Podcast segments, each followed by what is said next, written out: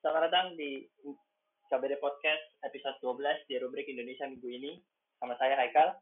Saya Hans. Mau tahu? Kita bicara dulu.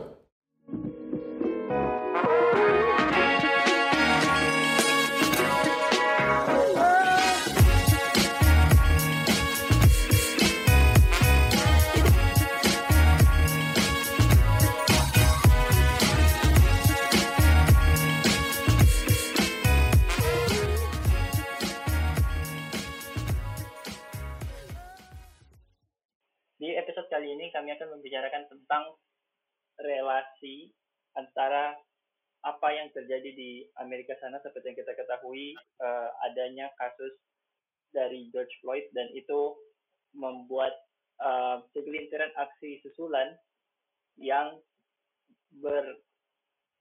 berembelkan atau bersimbolkan dengan Black Lives Matter dan relasinya dengan apa yang terjadi di Indonesia khususnya pada konteks eh, isu yang ada di Papua. Nah, untuk masuk ke isu yang ada di Indonesia, sebelum itu kita kita akan membicarakan dulu apa sih sebenarnya yang terjadi di eh, Amerika sana dalam kasus George Floyd. Bagaimana Hans?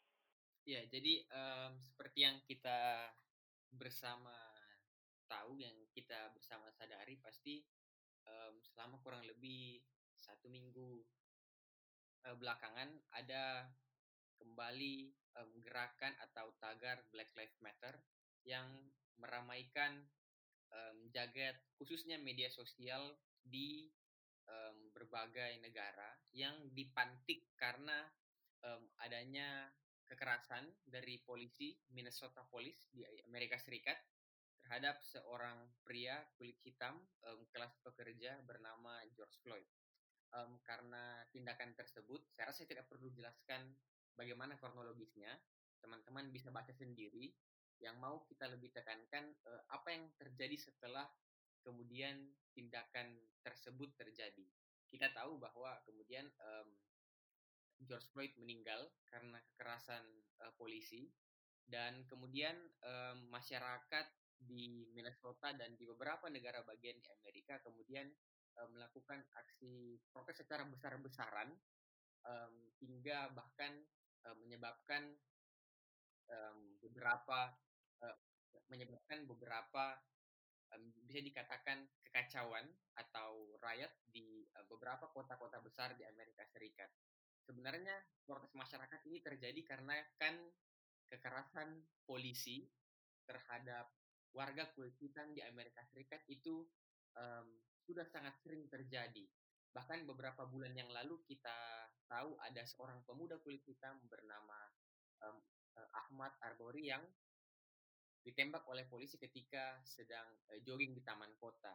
Nah, jadi kayak karena dua peristiwa ini penembakan dan kekerasan em, terhadap warga Amerika Serikat kulit hitam yang dilakukan oleh polisi terjadi dalam waktu yang berdekatan, maka kemudian ekses atau protes masyarakat, kemarahan masyarakat begitu besar terhadap eh, aparat kepolisian di Amerika Serikat dan sangat mengutuk tentunya em, penindasan atau kekerasan aparat terhadap em, warga Amerika Serikat kulit hitam. Mungkin em, itu dulu sebagai pemantik, sebagai latar belakang bahwa em, ke- kemarahan yang terjadi, kerusuhan, protes, gelombang-gelombang protes di Amerika Serikat, bahkan em, yang meramaikan hingga meramaikan media sosial itu terjadi karena em, masyarakat di sana sudah mulai bosan akan terus terjadinya secara berulang-ulang em, kekerasan polisi terhadap warga kulit hitam.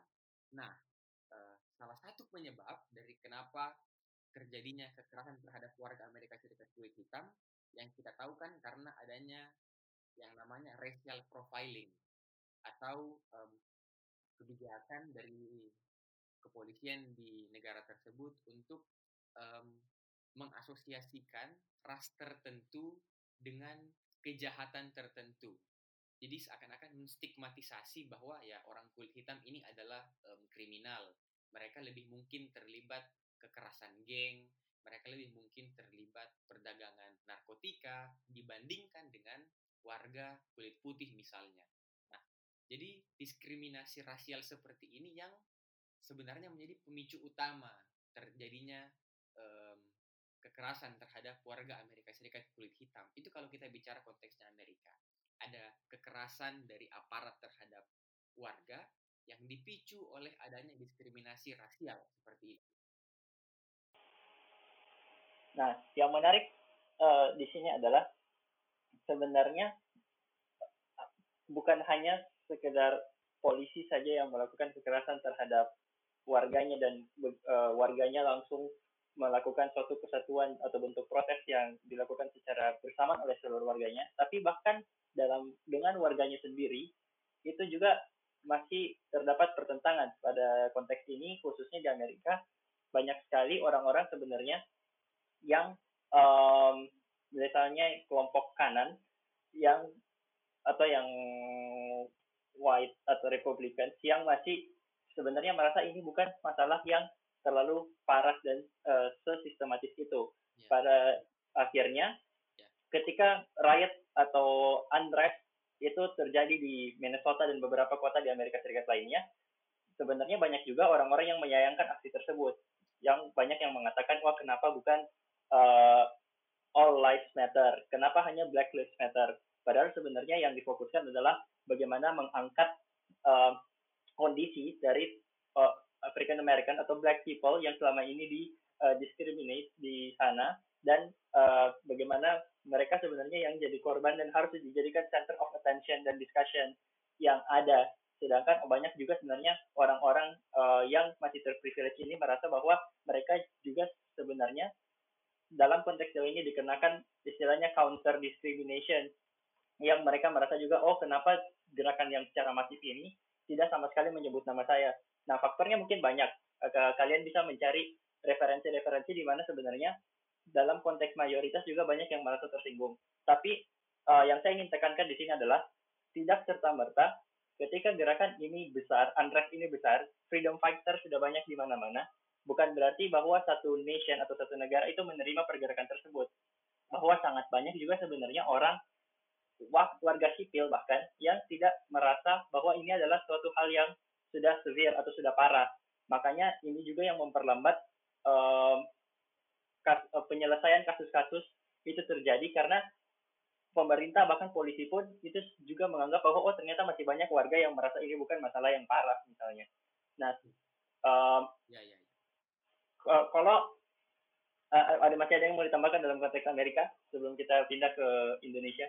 Ya, kalau saya mungkin uh, sedikit berarti tadi uh, kita sepakat bahwa di Amerika sendiri diskriminasi rasial itu sampai sekarang masih terus terjadi. Jadi ya. kan negara um, yang mengaku sebagai negara demokratis seperti Amerika Serikat pun sampai sekarang um, masih memiliki masalah terhadap diskriminasi rasial. Mungkin itu kesimpulannya dari um, yang ya. sudah jelas.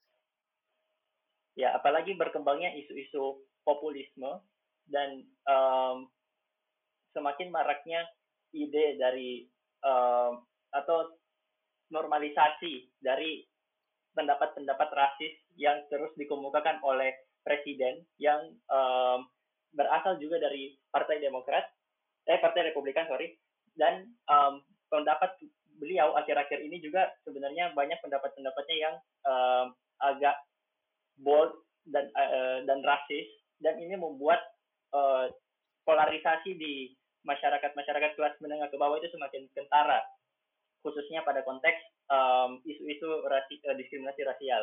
Yeah. Nah, ketika kita tarik um, isu rasial ini dan kita bahas dalam konteks Indonesia, sebenarnya um, untuk memantik diskusi ini sebenarnya di Indonesia sendiri uh, isu rasial ini belum kita bisa katakan selesai. Justru banyak kasus yang sama sekali tidak dibahas bahkan atau dimunculkan ke permukaan karena mereka merasa ini sesuatu yang harus ditaruh dalam kegelapan dan tidak uh, usah dibahas. Sedikit saya buka dengan survei uh, Komnas HAM uh, setidaknya mencatat sedikitnya 101 kasus diskriminasi ras dan etnis uh, dalam periode 2011 sampai 2018 yang dilaporkan pada mereka. Uh, pelanggaran tersebut meliputi pembatasan terhadap pelayanan publik, maraknya politik entitas atau identitas, pembubaran ritual adat, diskriminasi atas hak kepemilikan tanah bagi kelompok minoritas serta akses ke tenaga kerjaan yang belum berkeadilan. Atau jika ditanyakan kenapa dalam survei yang sama dan bekerja sama dengan tim Litbang Kompas, mereka menyatakan bahwa uh, ini mengindikasikan betapa canggungnya masyarakat Indonesia menerima keberagaman etnis dan ras di Indonesia, kendati semboyan bineka tunggal ika yang kerap digembor-gemborkan dalam kehidupan sosial, bahkan diobral dalam ranah demokrasi. Bahwa sebenarnya mereka itu nyaman untuk hidup dalam kondisi identitas yang sama dan belum siap untuk mengakui keberagaman. Jadi um, survei ini hanya um, menyebutkan bahwa kita hanya menerima bineka tunggal ika sebagai simbol semboyan, tapi bukan menerimanya dalam konteks kehidupan bersama ketika dihidupkan dalam satu lingkungan tertentu uh, di mana kita berinteraksi langsung dengan orang dengan etnis dan ras yang berbeda. Ini berlaku general, namun um, pada kenyataannya yang salah satu kelompok ras yang mendapatkan diskriminasi paling tinggi adalah uh, dari teman-teman ras di Papua sana yang mendapatkan diskriminasi yang cukup menyedihkan kalau menurut saya. Kalau menurut saya untuk pengantar. Oh ya, jadi uh, menyambung tadi sedikit, berarti kita harus uh, melihat dulu, mengakui bahwa kasus diskriminasi rasial di Indonesia sampai sekarang pun berdasarkan hasil laporan dari Komnas HAM dan survei tadi dibantu oleh Litbang Kompas memang masih terjadi. Dan ya kita kan tahu memang di Indonesia uh, ada beberapa etnis etnis minoritas, etnis Tionghoa misalnya pasti kan um, sudah cukup sering bahkan cukup lama menerima diskriminasi secara uh, rasial atau mungkin juga etnis-etnis yang lain. Tapi dalam kaitannya dengan um, konteks Black Lives Matter, um, tadi saya kalau sudah singgung bahwa teman-teman um, kita, saudara-saudara kita ras Melanesia yang tinggal di wilayah Papua juga mendapatkan diskriminasi yang sebenarnya cukup parah dan terjadi um, dalam jangka waktu yang cukup panjang. Jadi mungkin itu yang nanti kita akan lebih khusus membahas karena dalam kaitannya dengan um, gerakan Black Lives Matter ini bahwa di Indonesia pun teman-teman kita um, ras Melanesia yang ada yang ada di Papua mengalami diskriminasi yang cukup parah dan berkepanjangan. Kalau saya um, dari, dari awal mungkin uh, itu dulu. Nah mungkin sekarang, nah, oke, okay. ya mungkin sekarang kita bisa uh, sedikit mulai masuk membahas bagaimana model-model diskriminasi yang diterima oleh teman-teman di Papua. Dan mungkin kita akan melihat um, apa sebenarnya yang mengawali diskriminasi tersebut terhadap mereka. Kayak begitu. Mungkin um, Haikal bisa um, menjelaskan dulu sedikit sebenarnya seperti apa diskriminasi yang teman-teman di Papua cukup sering dapatkan Oke, okay. um, menurut beberapa uh, sumber dan cerita dari teman-teman yang ada di Papua sana yang dilakukan dari beberapa wawancara. Uh, salah satu yang paling ringan dulu sebelum kita membahas yang berat uh, konteks diskriminasinya. Salah satu yang dikatakan paling uh, ringan yang tidak menyentuh keselamatan, yang tidak mengganggu keselamatan nyawa ya, dan yeah. mengganggu keselamatan diri. Ada sebenarnya uh, bisa di kategorikan jadi beberapa kelompok. Ya. Yang pertama misalnya adalah diskriminasi dalam konteks akademik, okay. di mana uh, dalam beberapa kesempatan mahasiswa-mahasiswa Papua baik yang berada di dalam wilayah Papua dan kebanyakan berada di luar wilayah Papua seperti misalnya Jawa dan Sulawesi, mereka itu diancam ketika akan membuka diskusi akademik dalam konteks kampus ketika um, itu berbicara mengenai isu-isu diskriminasi terhadap kawan-kawan yang ada di Papua. Okay, uh, contohnya misalnya um, mereka diintervensi langsung oleh kampusnya untuk uh, diskusi ini ditutup atau misalnya mengirimkan intel untuk masuk ke dalam kampusnya dan um, memotret apa yang mereka uh, lakukan dan merekam apa yang mereka bicarakan dan itu um, tentu saja menurut saya itu meningkatkan kewaspadaan dan rasa takut bagi kawan-kawan kita yang ingin berdiskusi. Dan karena sebenarnya ruang akademi juga seharusnya menjadi ruang yang aman untuk memberikan diskusi dan pendapat asalkan disertai dengan um, fakta dan bukti-bukti otentik sebenarnya. Itu yang pertama. Yang kedua nanti yang bisa tambahkan. Uh, yang kedua adalah konteks di mana uh, diskriminasi ini dinormalisasi dalam konteks uh, candaan atau dinormalisasi dalam konteks uh, candaan atau labeling terhadap teman-teman kita uh, ras Melanesia tadi atau teman-teman kita yang berada dari yang berasal dari uh, Pulau Papua tadi. Jadi um, ada juga beberapa kesaksian yang mengatakan bahwa dia uh, seolah-olah ditempelkan label separatis dan label um, pengkhianat misalnya atau kriminal ketika dia berjalan uh, dengan secara tidak bersalah dan tidak melakukan apa-apa. Jadi misalnya ketika dia ingin uh, pergi berbelanja atau pergi ke sekolah atau ingin uh, melakukan aktivitas sosial biasanya yang uh, mungkin kita semua juga lakukan, tapi bedanya adalah kita melihat mereka itu dengan memberikan label tambahan dan itu sangat-sangat uh, tidak nyaman bagi mereka. Mungkin dalam konteks yang uh, belum sifatnya membahayakan nyawa, uh, tapi sudah bersifat diskriminasi itu itu dulu. Ada yang kan mau tambahkan dalam konteks ini? Ya, saya rasa tadi model model-model diskriminasi yang diterima uh, sudah dijelaskan dengan baik.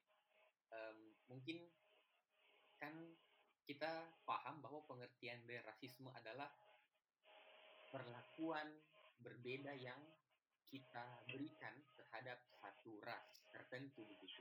Nah, apa yang Haikal tadi sudah jelaskan itu uh, mengamini definisi tersebut bahwa ketika teman-teman Papua um, di kampus ingin melakukan diskusi kemudian mereka dilarang, kemudian mereka di um, dibatasi, lalu ketika misalnya mereka dilabeli label-label tertentu dikatakan separatis lah, dikatakan pengkhianat lah, tentu ini kan bentuk perlakuan berbeda yang diterima oleh mereka. Saya kira tadi penjelasan Haikal sudah mencerminkan sedikit uh, apa sebenarnya bentuk diskriminasi paling ringan yang mereka terima. Tentu kan ada bentuk-bentuk yang lain.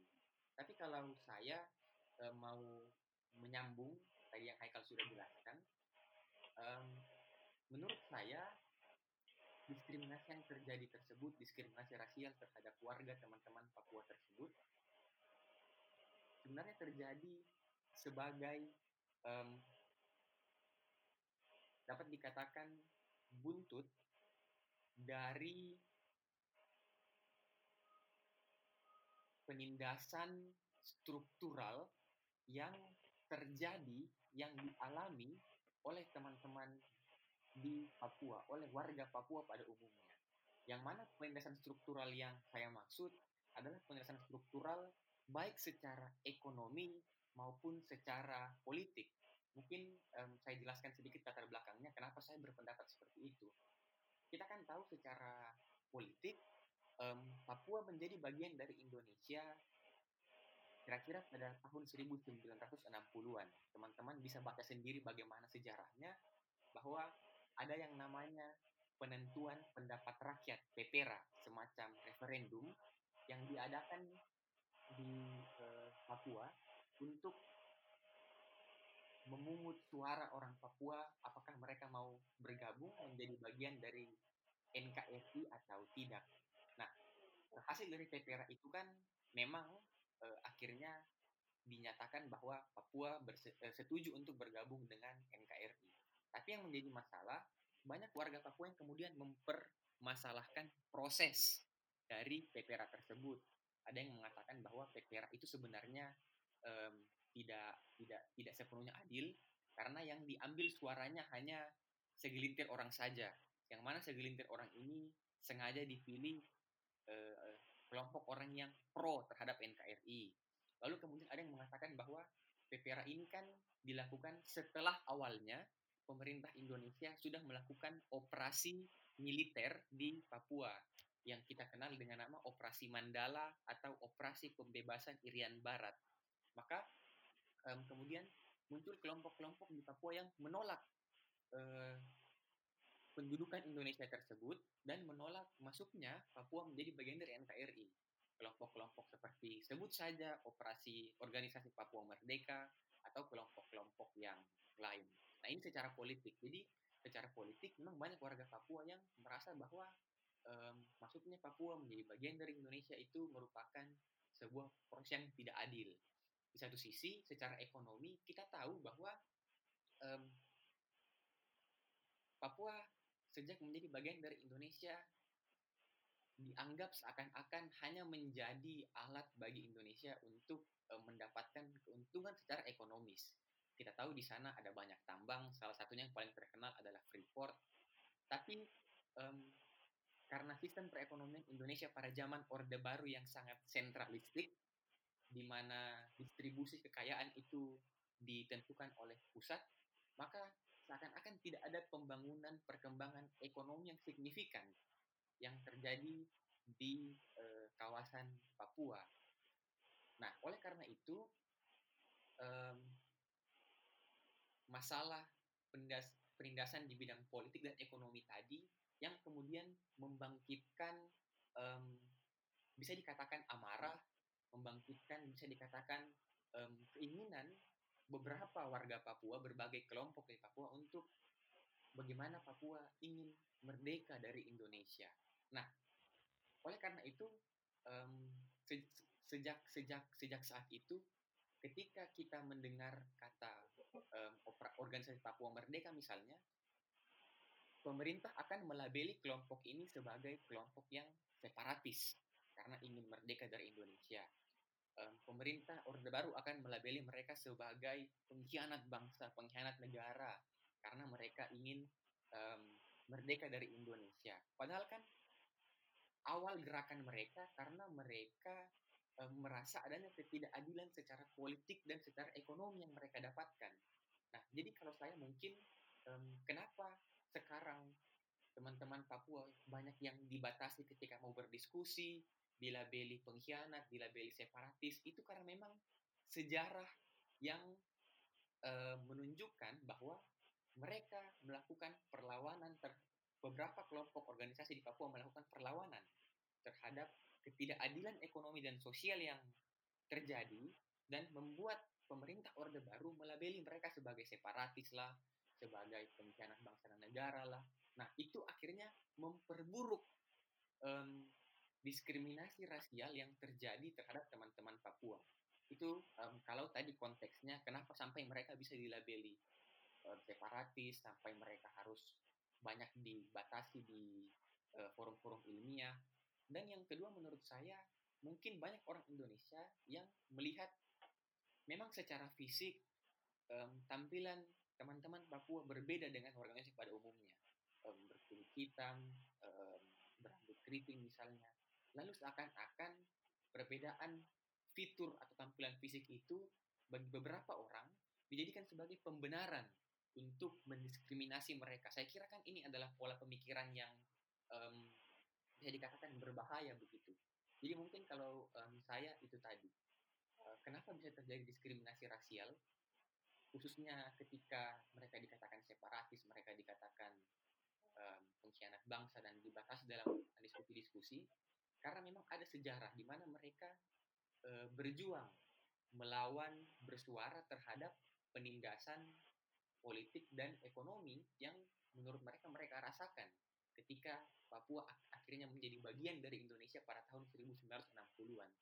Um, kalau saya mungkin yang saya mau tambahkan um, itu tadi uh, mungkin oke okay. uh, ya menurut Haikal maksudnya kira-kira tadi kita sudah membahas bahwa memang sekarang ada diskriminasi rasial yang terjadi terhadap teman-teman kita dari Papua. Um, Haikal melihat bagaimana sekarang respon yang dikeluarkan oleh um, warga Papua pada umumnya begitu. Bagaimana mereka merespon terhadap diskriminasi rasial ini seperti itu?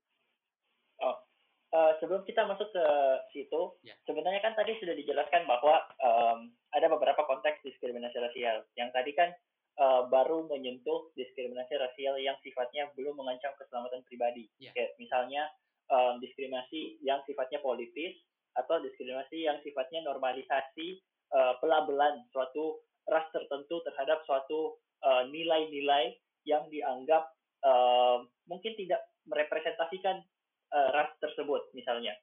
Nah, kalau dalam konteks uh, diskriminasi yang sudah dalam uh, tataran membahayakan nyawa oh, iya, iya. individu benar, benar. itu sebenarnya sudah terjadi juga uh, sebelum kita masuk yang betul-betul diserang di tanah sendiri kita berbicara, berbicara dalam konteks bagaimana sebenarnya mahasiswa-mahasiswa uh, Papua itu ketika mereka keluar untuk belajar di tanah Jawa misalnya mereka atau di Sulawesi atau di uh, daerah selain di Papua mereka juga kerap kali mendapatkan diskriminasi uh, ini ada beberapa contoh yang saya bisa berikan uh, misalnya pada uh, misalnya pada kasus yang paling terkenal yang kita bisa lihat fotonya disandingkan dengan foto George Floyd yaitu Obi Kogoya yeah. di Yogyakarta. Benar.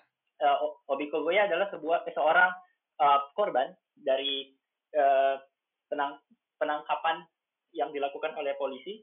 Uh, kronologinya sebenarnya simpelnya uh, pada saat mereka akan um, melakukan um, bukan akan melakukan uh, kelompok mahasiswa yang tergabung dalam sebuah organisasi Persatuan Rakyat untuk Pembebasan Papua Barat dan mereka akan menyuarakan aspirasi damainya di jalan untuk um, melakukan uh, agendanya yang disebutkan dalam Tirto di sini bergabung dalam Melanesian Spreadhead Group, organisasi internasional di negara-negara tetangga Papua yang memperjuangkan bangsa Melanesia atas diskriminasi yang terjadi uh, oleh ras mereka.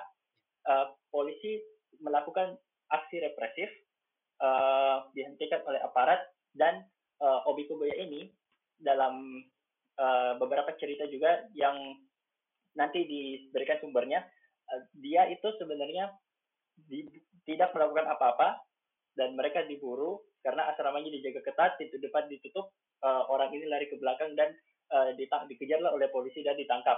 Nah mereka, orang ini dijatuhkan dan uh, seperti itulah foto-foto yang kalian bisa lihat yang hidungnya ditarik itu. Uh, foto tersebut diambil oleh Suryo Wibowo, fotografer lepas untuk kantor berita Perancis. Tapi yang parahnya di sini adalah karena si Obi Kogoya tidak melakukan kesalahan sama sekali, namun dia ditangkap dan diberikan um, masa tahanan selama empat bulan atas perlakuan yang uh, sama sekali tidak dilakukan oleh si Obi Kogoya ini. Nah, itu hanya salah satu contoh dari bagaimana sebenarnya bahkan mereka dalam konteks tidak melakukan apa-apa, diserang dan ditangkap oleh polisi. Uh, uh, dan di kota-kota lain juga sebenarnya terjadi kasus-kasus serupa. Di Makassar uh, beberapa tahun lalu masih kita bisa ingat asrama Papua diserang oleh sekelompok orang dan polisi sama sekali tidak memberikan aksi yang positif atau misalnya sangat atau yang misalnya membantu untuk menyelesaikan kasus tersebut atau menangkap siapa yang sebenarnya menyerang asrama Makassar pada beberapa tahun belakangan. Terus di uh, konteks-konteks asrama mahasiswa lain juga sebenarnya uh, ada beberapa kali juga yang diserang seperti di Surabaya, um, di Semarang, dan beberapa kasus-kasus lainnya. Nah, untuk di tanah Papua sendiri, sebenarnya yang bermasalah adalah ada beberapa upaya pembiaran atau pendiaman terhadap kasus pelanggaran HAM berat yang terjadi di sana, yeah. yang kerap kali disuarakan oleh eh, kawan-kawan uh, di Papua sana. Yang paling terkenal adalah kasus um, Paniai. Paniai. Nah, kasus ini uh, sekedar informasi adalah merupakan kasus kekerasan sipil yang mengakibatkan empat orang meninggal, 21 orang mengalami luka berat akibat penganiayaan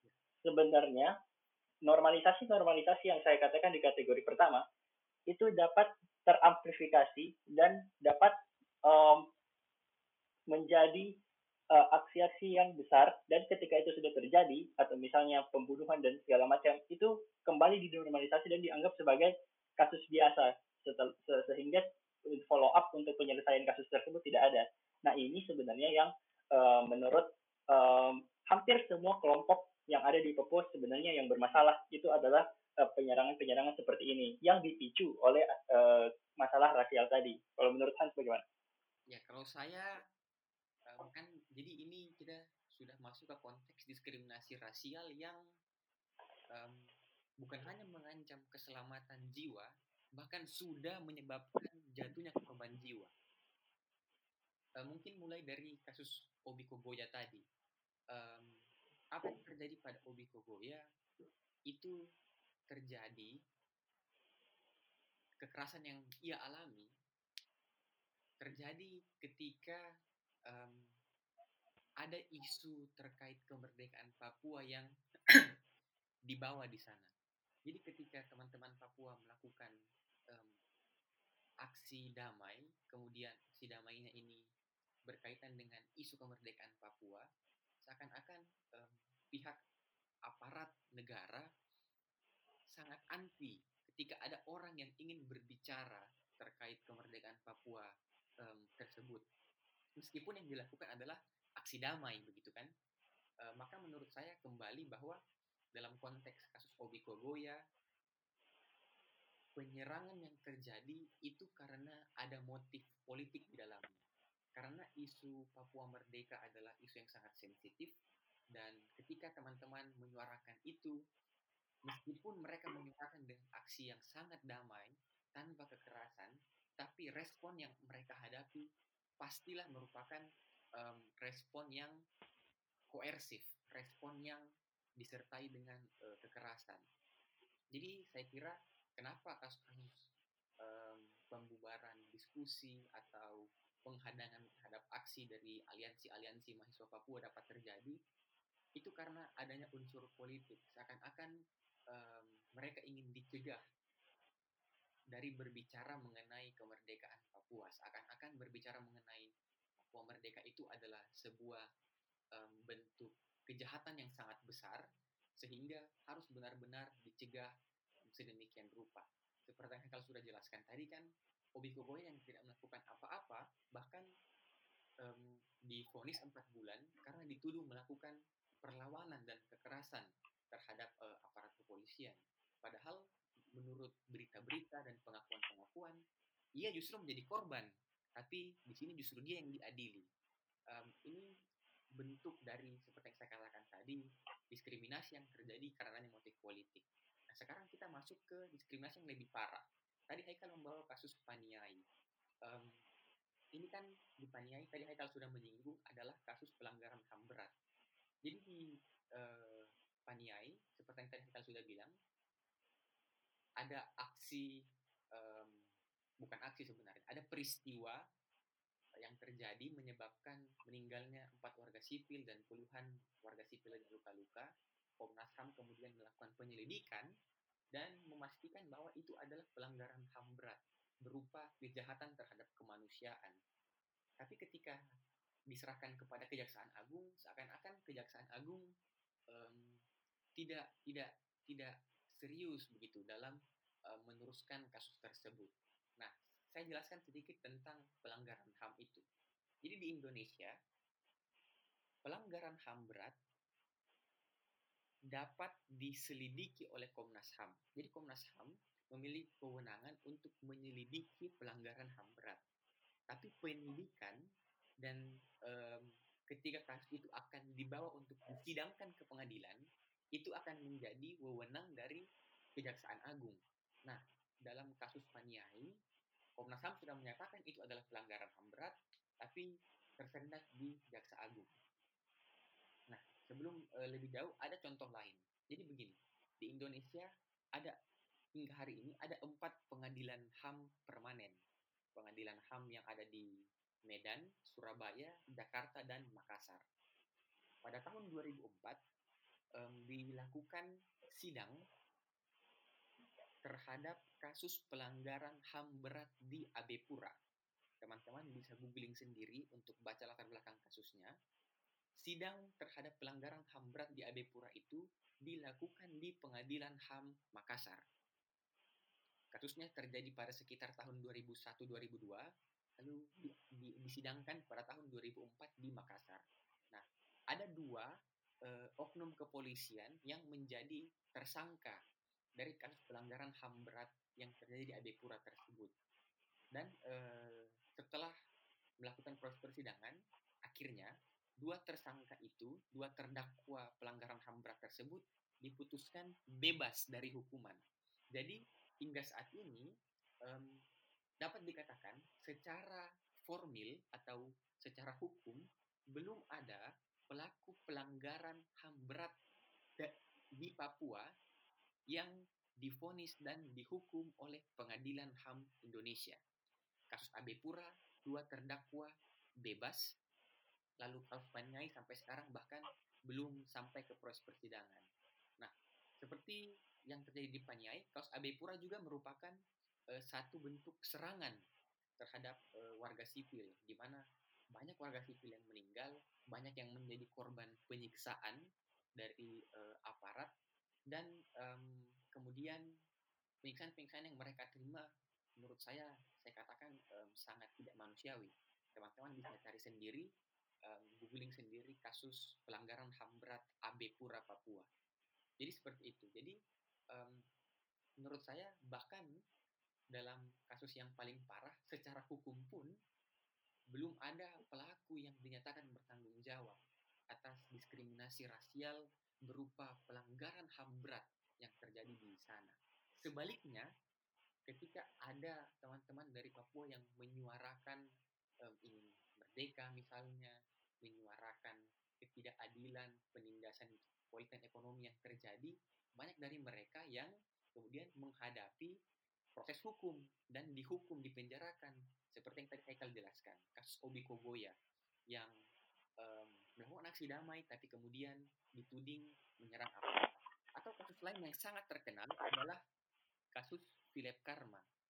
Um, Philip Karma adalah seorang pria bapak-bapak yang merupakan um, pegawai negeri sipil pada tahun 2004 atau 2005 beliau mengibarkan bendera bintang kejora di um, Jayapura dan um, menyatakan mendukung gerakan Papua Merdeka. Apa yang dilakukan Philip Karma um, mungkin memang bertentangan dengan um, konsep negara kesatuan Republik Indonesia. Tapi yang dia lakukan adalah aksi damai. Dia tidak um, melakukan demonstrasi yang menyebabkan kerugian ekonomi. Dia tidak uh, menyerang aparat-aparat negara, dia tidak melakukan penyerangan terhadap kantor-kantor um, pemerintahan, dia hanya mengibarkan bendera bintang kejora dan membawakan satu uh, pidato mengapa Papua harus merdeka. Bila Karma kemudian difonis penjara, teman-teman silahkan baca sendiri kasusnya, videonya juga ada di YouTube. Lalu kemudian fonis penjara itu dia terima sebagai bentuk perlawanannya.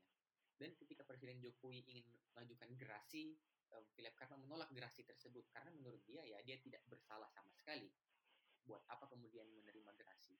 Jadi um, menurut saya kalau kita melihat dari kacamata teman kacamata teman-teman Papua, bisa jadi memang peristiwa-peristiwa seperti ini adalah bentuk diskriminasi di bidang hukum.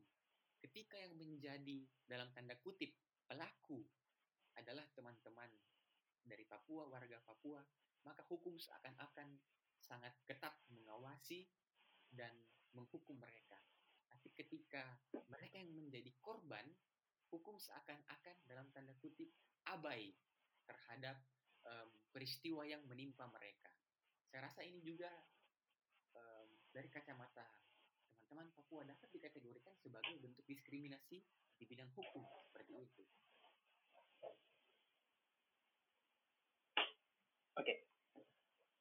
sekarang um, karena sudah ada beberapa gambaran tentang sebenarnya uh, jenis diskriminasi apa dan bagaimana sebenarnya um, sulitnya bagi mereka untuk mendapatkan keadilan dalam konteks hukum yang di mana uh, bahkan bukti sudah depan mata dan uh, mereka bisa melayangkan tuntutan uh, tapi lagi-lagi dikembalikan terus berkasnya oleh uh, jaksa agung dan segala macam. Nah kita akan masuk ke pembahasan bagaimana sih sebenarnya respon-respon dari orang Papua sendiri melihat kasus-kasus atau diskriminasi yang sudah dikatakan lama, pan, uh, memakan waktu yang panjang dan sangat sistematis ini. Saya akan membuka uh, dengan konteks atau kacamata dari orang Papua yang uh, stance-nya atau pendiriannya itu pro dengan uh, pemerintah. Yeah. Karena uh, ada juga sebenarnya terlepas dari beberapa orang yang um, atau beberapa kelompok atau grup yang memperjuangkan kemerdekaan Papua, sebenarnya ada juga beberapa grup atau orang yang um, ingin dalam konteks ini uh, bersama dengan pemerintahan yang incumbent dan mengatakan bahwa sebenarnya apa yang dilakukan oleh pemerintah sekarang itu sudah tepat. Kayak misalnya sebenarnya uh, pembangunan jalan itu diperlukan, pembangunan infrastruktur dan penyamarataan ekonomi yang dilakukan oleh pemerintah sekarang itu sudah tepat. Ya. Buktinya sekarang uh, presiden kita Joko Widodo itu sudah merekrut uh, orang uh, Papua untuk menjadi staf susnya uh, untuk membicarakan sebenarnya um, apa yang dilakukan oleh presiden itu sudah tepat dalam kacamata um, masyarakat Papua katanya.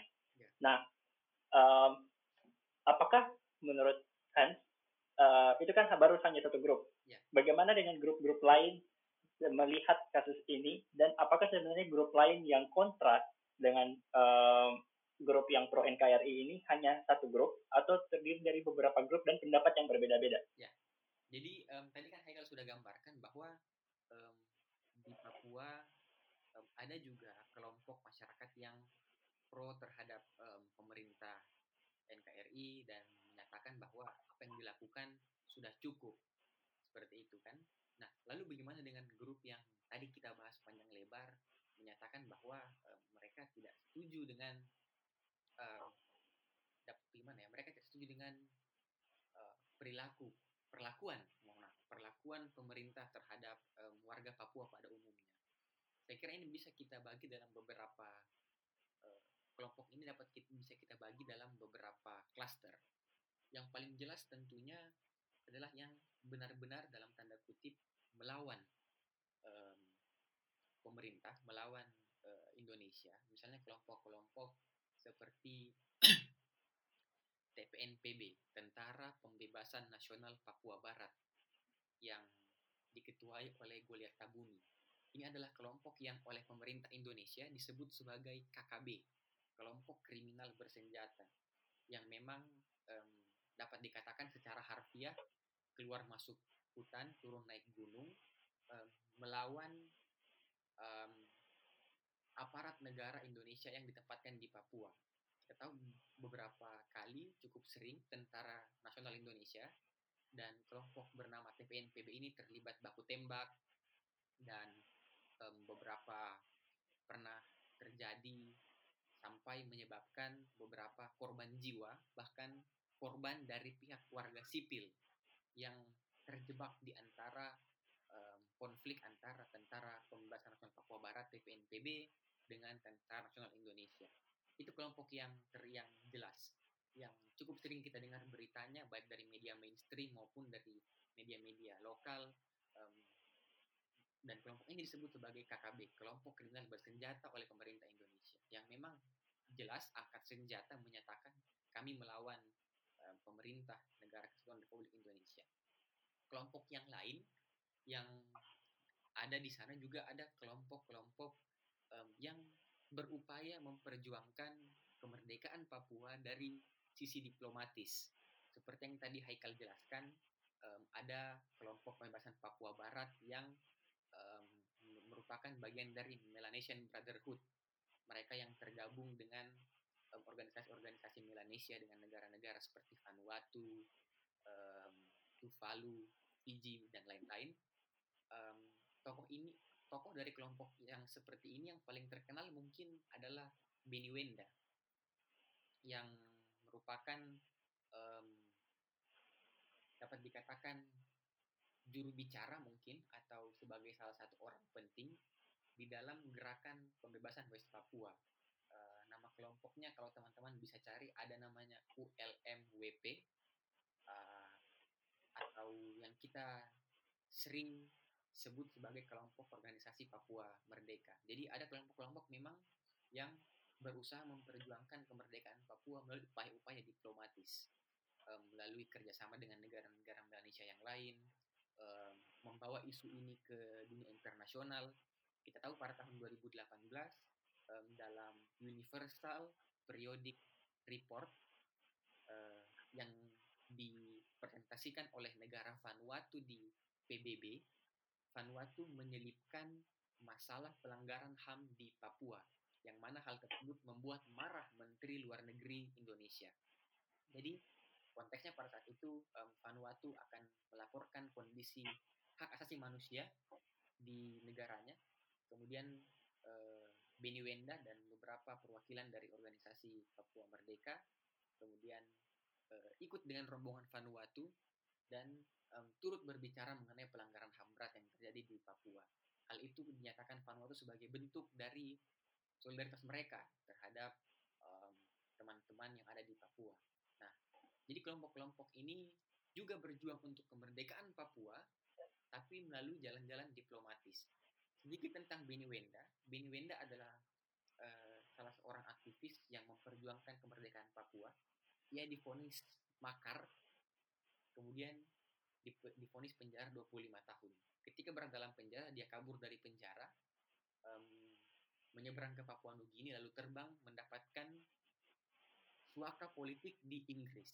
Dan dari Inggris, dari suaka politik tersebut, dia kemudian mengampanyekan upaya-upaya diplomasi, um, menyebarkan uh, upaya-upaya untuk mencapai Papua merdeka melalui upaya-upaya diplomasi. Jadi ada juga kelompok seperti ini. Yang ketiga, menurut saya, kelompok lain adalah kelompok-kelompok um, yang sebenarnya dalam tanda kutip tidak terlalu mempermasalahkan Papua merdeka atau tidak. Tapi yang menjadi fokus dari mereka adalah berhentinya pelanggaran HAM berat, berhentinya eksploitasi lingkungan, berhentinya diskriminasi di bidang ekonomi dan politik terhadap warga Papua kita tahu ada banyak NGO-NGO di Indonesia, misalnya Amnesty International atau Human Rights Watch, yang kemudian uh, mengadvokasikan agar dihentikan eksploitasi lingkungan di Papua, menghentikan pelanggaran HAM berat di Papua. Ada juga kelompok-kelompok seperti itu, yang sebenarnya um, poin utama mereka bukan apakah Papua merdeka atau tidak, tapi yang penting adalah agar kekerasan dan eksploitasi alam yang terjadi di Papua dihentikan dan diberikan keadilan dihentikannya diskriminasi terhadap warga Papua. Saya kira um, kalau kita bicara secara umum ya, itu adalah beberapa kelompok yang saya lihat um, ada um, dalam mengadvokasi isu-isu Papua.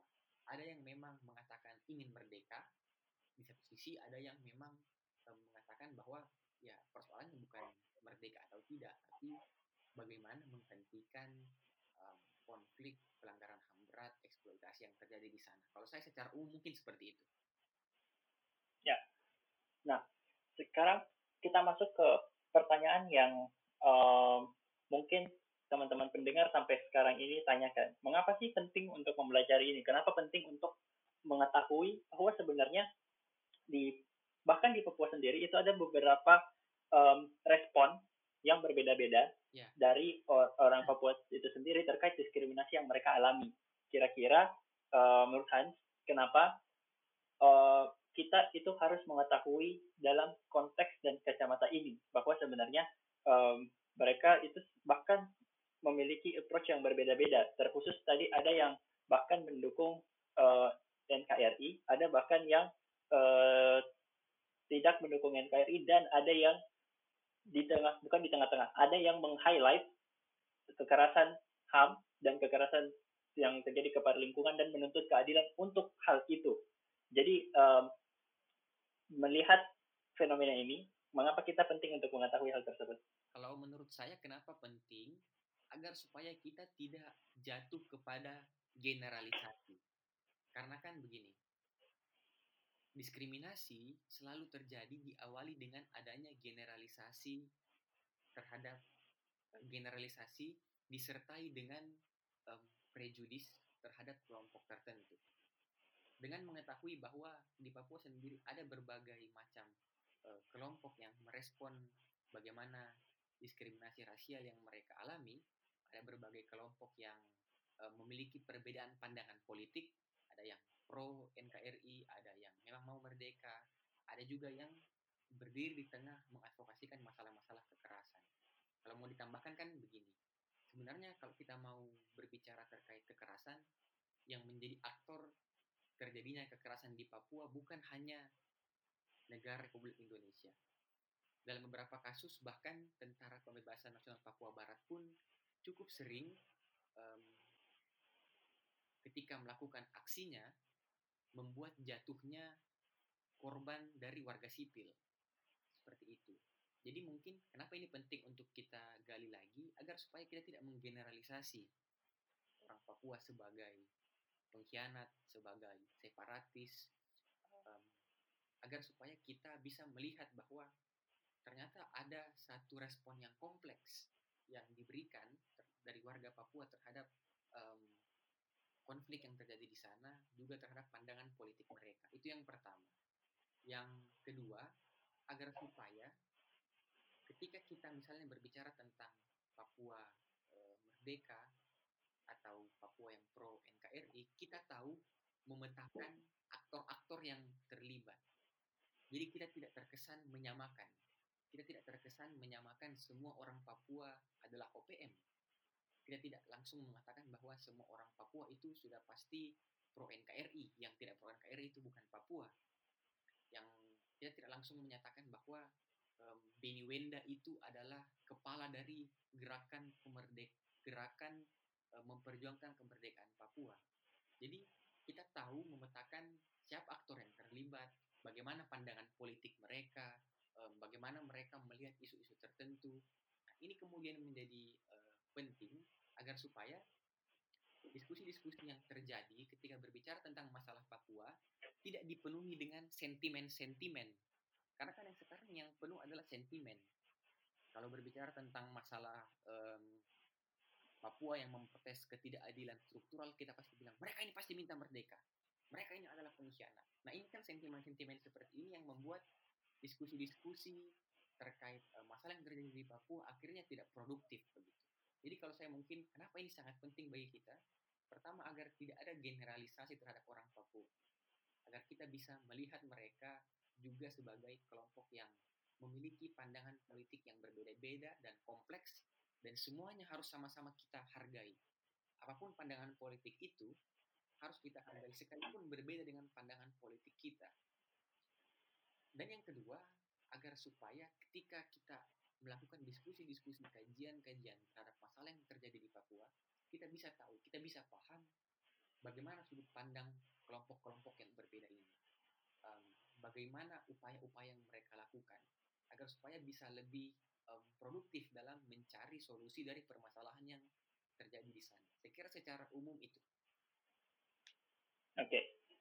Nah, um, sedikit uh, yang bisa juga ditambahkan sebelum kita menutup, uh, bagaimana kita sebenarnya sebagai orang Indonesia, apalagi dalam konteks um, ber, yang berasal dari luar Papua, untuk menyikapi kasus-kasus uh, seperti ini. Oh iya. Nah, kalau saya uh, membuka dulu uh, secara umum terlepas dari apa yang pendengar um, percayai dan terlepas dari apa pandangan politik kalian, menurut saya hal yang pertama yang harus kalian lakukan untuk menyikapi uh, kasus diskriminasi rasial di Papua adalah mendapatkan informasi dengan cara mendengar langsung dari orang Papua itu sendiri ya. sebelum memberikan asumsi dan prejudis-prejudis yang telah dikatakan oleh Hans tadi. Mengapa? Karena sebenarnya yang mendapatkan diskriminasi, yang merasakan dampak langsung dari kekerasan yang terjadi secara struktural, ketidakadilan dalam proses hukum, segala macam adalah mereka, orang Papua itu sendiri. Nah, tujuan dari uh, podcast ini sebenarnya adalah untuk kalian itu bisa diarahkan untuk mencari sumber-sumber itu langsung dari orang Papuanya dan kalian langsung mendengarkan dari mereka. Jadi setelah dari sini saya dengan sangat uh, rendah hati merekomendasikan kalian untuk mencari sumber-sumber informasi langsung dari orang Papuanya dan mendengarkan uh, suara mereka terlepas dari pandangan politik apa yang kalian um, percayai. Jadi satu cara untuk menyingkapi kasus-kasus seperti ini adalah mendapatkan perspektif langsung dari orang yang terdampak. Bukan hanya dalam kasus Papua, tapi misalnya dalam konteks diskriminasi gender, seksisme. Berarti yang um, um, menjadi korban langsung adalah perempuan-perempuan yang mendapatkan diskriminasi uh, gender atau misalnya diskriminasi keagamaan. Ya kalian langsung pergi ke uh, minoritas itu sendiri. Jadi kayak um, satu yang harus kita sikapi adalah langsung untuk mencari orang-orang uh, yang mem mempunyai um, itu tadi latar belakang itu tadi. Yang kedua adalah uh, bertanya. Jadi setelah ini uh, saya juga merekomendasikan kalian jika mempunyai akses bisa langsung menanyakan sebenarnya apa sih yang terjadi uh, seperti apa sebenarnya yang terjadi di lapangan dan segala macam karena bertanya itu juga membuka diskusi dan itu juga salah satu dari uh, visi kami yaitu terpantiknya atau terbukanya diskusi-diskusi publik yang konstruktif uh, terkait isu-isu yang kita bahas. Nah, yang ketiga, ini pendapat personal saya. Nah, sebenarnya untuk melihat kasus ini, terlepas dari apa yang kalian uh, percayai, setidaknya kalian aware atau sadar ketika kalian melihat ada diskriminasi yang terjadi dan siapa yang menjadi korban. Dalam konteks ini, um, kalau kalian tidak ingin membahas misalnya masalah politik atau memang kalian belum siap untuk masuk ke dalam hal itu, setidaknya kalian aware kalau misalnya ada loh kasus pembunuhan yang terjadi di sana, ada loh kasus diskriminasi, ada loh misalnya uh, dalam konteks yang lebih kecil di kota kita saja ada loh misalnya teman-teman dari ras Melanesian ini, teman-teman Papua kita yang masih mendapatkan uh, diskriminasi ketika kita hidup berdampingan dengan mereka. Nah, bagaimana kita bisa aware terhadap hal itu dan bagaimana kita bisa berlaku tidak diskriminatif terhadap mereka, itu juga salah satu um, tugas dari kita sebagai uh, orang-orang yang berada di uh, luar Papua itu sendiri. Karena um, diskriminasi yang telah mereka dapatkan itu sangat kompleks dan beragam. Ya. Nah, yang kita bisa lakukan adalah setidaknya untuk nah. mengecilkan uh, diskriminasi yang mereka dapatkan, mulai dari paling yang paling kecil adalah merubah mindset diri kita sendiri bahwa sebenarnya ya uh, we are just a human in a flesh. Kita hanya manusia dalam satu bungkusan daging dan tulang yang sama misalnya. Ya kita bisa belajar menghargai orang lebih banyak mendengarkan suaranya memanusiakan manusia. Sebenarnya kan esensinya itu untuk mengurangi diskriminasi adalah pembentukan mindset diri dulu. Terus yang kedua membiasakan diri ketika berada di surrounding dan lingkungan sekitar mereka yang ketiga baru kalau misalnya kalian mempunyai uh, alat politik atau dalam konteks ini medium atau media untuk menyuarakan pendapat ya kalian bisa juga speak up. Jadi um, dalam konteks pendapat yang lebih ekstrim ada juga yang berpendapat bahwa um, tidak rasis itu tidak cukup, namun kalian juga harus speak up. Yeah. Tapi kan tidak ini tidak bisa dilakukan dalam semalam. Kayak um, apa yang kalian percayai mungkin adalah hasil dari konstruksi uh, konstruksi sosial yang kalian telah disuntikkan dari beberapa puluh tahun yang lalu misalnya. Sehingga untuk membuka diri untuk merasa aware itu sangat setengah mati. Nah makanya tadi yang saya katakan mulailah perubahan dari yang paling kecil yaitu mindset. Setelah atau misalnya nanti akan berurut sendiri menjadi suatu perubahan yang mungkin sedikit lebih besar dan memberikan dampak. Kalau menurut saya itu. Kalau menurut saya bagaimana Iya, kalau saya pertama tadi setuju dengan uh, pendapat Haikal bahwa paling tidak yang kita bisa lakukan adalah kita tidak menjadi bagian dari mereka yang melakukan diskriminasi. Tidak menjadi bagian dari mereka yang melakukan tindak rasisme. Itu yang pertama. Yang kedua seperti yang Haikal tadi sampaikan bahwa um, kita harus belajar untuk mendengar langsung, untuk um, berdiskusi dengan mereka yang menjadi korban dari diskriminasi tersebut. Bukan hanya dalam konteks Papua, tentunya bukan dalam konteks hanya konteks ras, tapi kayak Haikal bilang dalam konteks gender, dalam konteks orientasi seksual mungkin kita tahu teman-teman LGBT mengalami diskriminasi, ya kita jangan menjadi bagian dari kelompok yang mendiskriminasi mereka, tapi kita harus membuka komunikasi dengan misalnya teman-teman LGBT, apa yang mereka rasakan, bagaimana diskriminasi tersebut mempengaruhi mereka agar kita tahu dan tidak menjadi bagian dari orang yang melakukan diskriminasi tersebut itu nah um, kalau saya mungkin yang penting adalah begini kita harus mencoba menempatkan diri sebagai mereka. Kita tentu tidak ingin kita dipandang sebagai ras yang inferior, kita tidak ingin didiskriminasi oleh ras lain. Maka, karena kita tidak ingin didiskriminasi, kita tidak ingin mendapatkan perlakuan-perlakuan yang sifatnya berbau rasisme, maka jangan lakukan hal tersebut kepada orang lain. Kalau saya kan sebenarnya sesimpel itu. Jadi um, mungkin hanya menambahkan sedikit dari Haikal bilang tadi ya, bahwa um, yang penting adalah paling tidak kita tidak menjadi bagian dari mereka yang melakukan diskriminasi.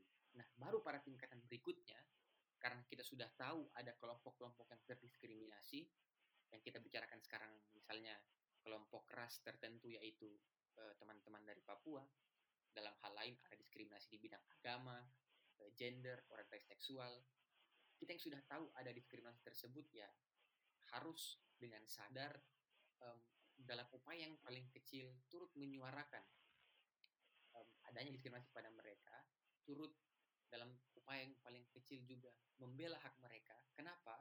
Karena ketika kita yang mengalami diskriminasi, ketika kita yang mengalami tindakan-tindakan tersebut, tentu kita juga berharap ada orang lain yang membela kita. Kita berharap ada orang lain yang akan berjuang bagi hak kita. Nah, oleh karena itu, kita juga harus melakukan hal yang sama kepada mereka yang menjadi korban.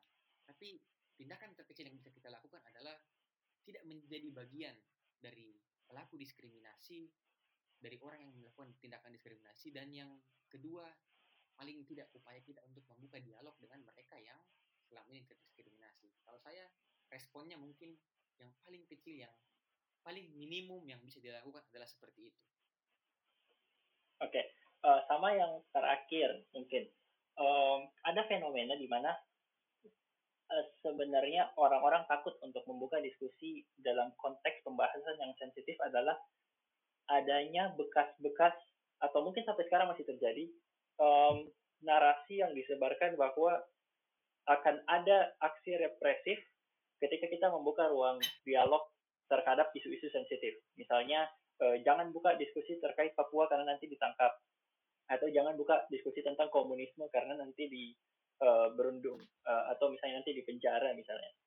Nah, menurut saya um, saya tidak tahu untuk misalnya langsung memberikan solusi yang konkret atas masalah ini, tapi yang saya bisa berikan saran kepada kalian yang ingin membuka diskusi atau uh, melakukan diskusi informal maupun formal setelah ini adalah pastikan bahwa kalian didukung oleh data yang konkret dan uh, memiliki landasan-landasan tertentu sehingga ketika terjadi sesuatu pada kalian kalian bisa uh, memberikan dasar atas apa yang kalian katakan satu dua jika diskusinya itu bersifat offline dan terbuka kami uh, sangat merekomendasikan kalian untuk mengetahui ke mana harus menghubungi misalnya lembaga hukum uh, atau lainnya sebagai macam ketika sesuatu terjadi kepada kalian.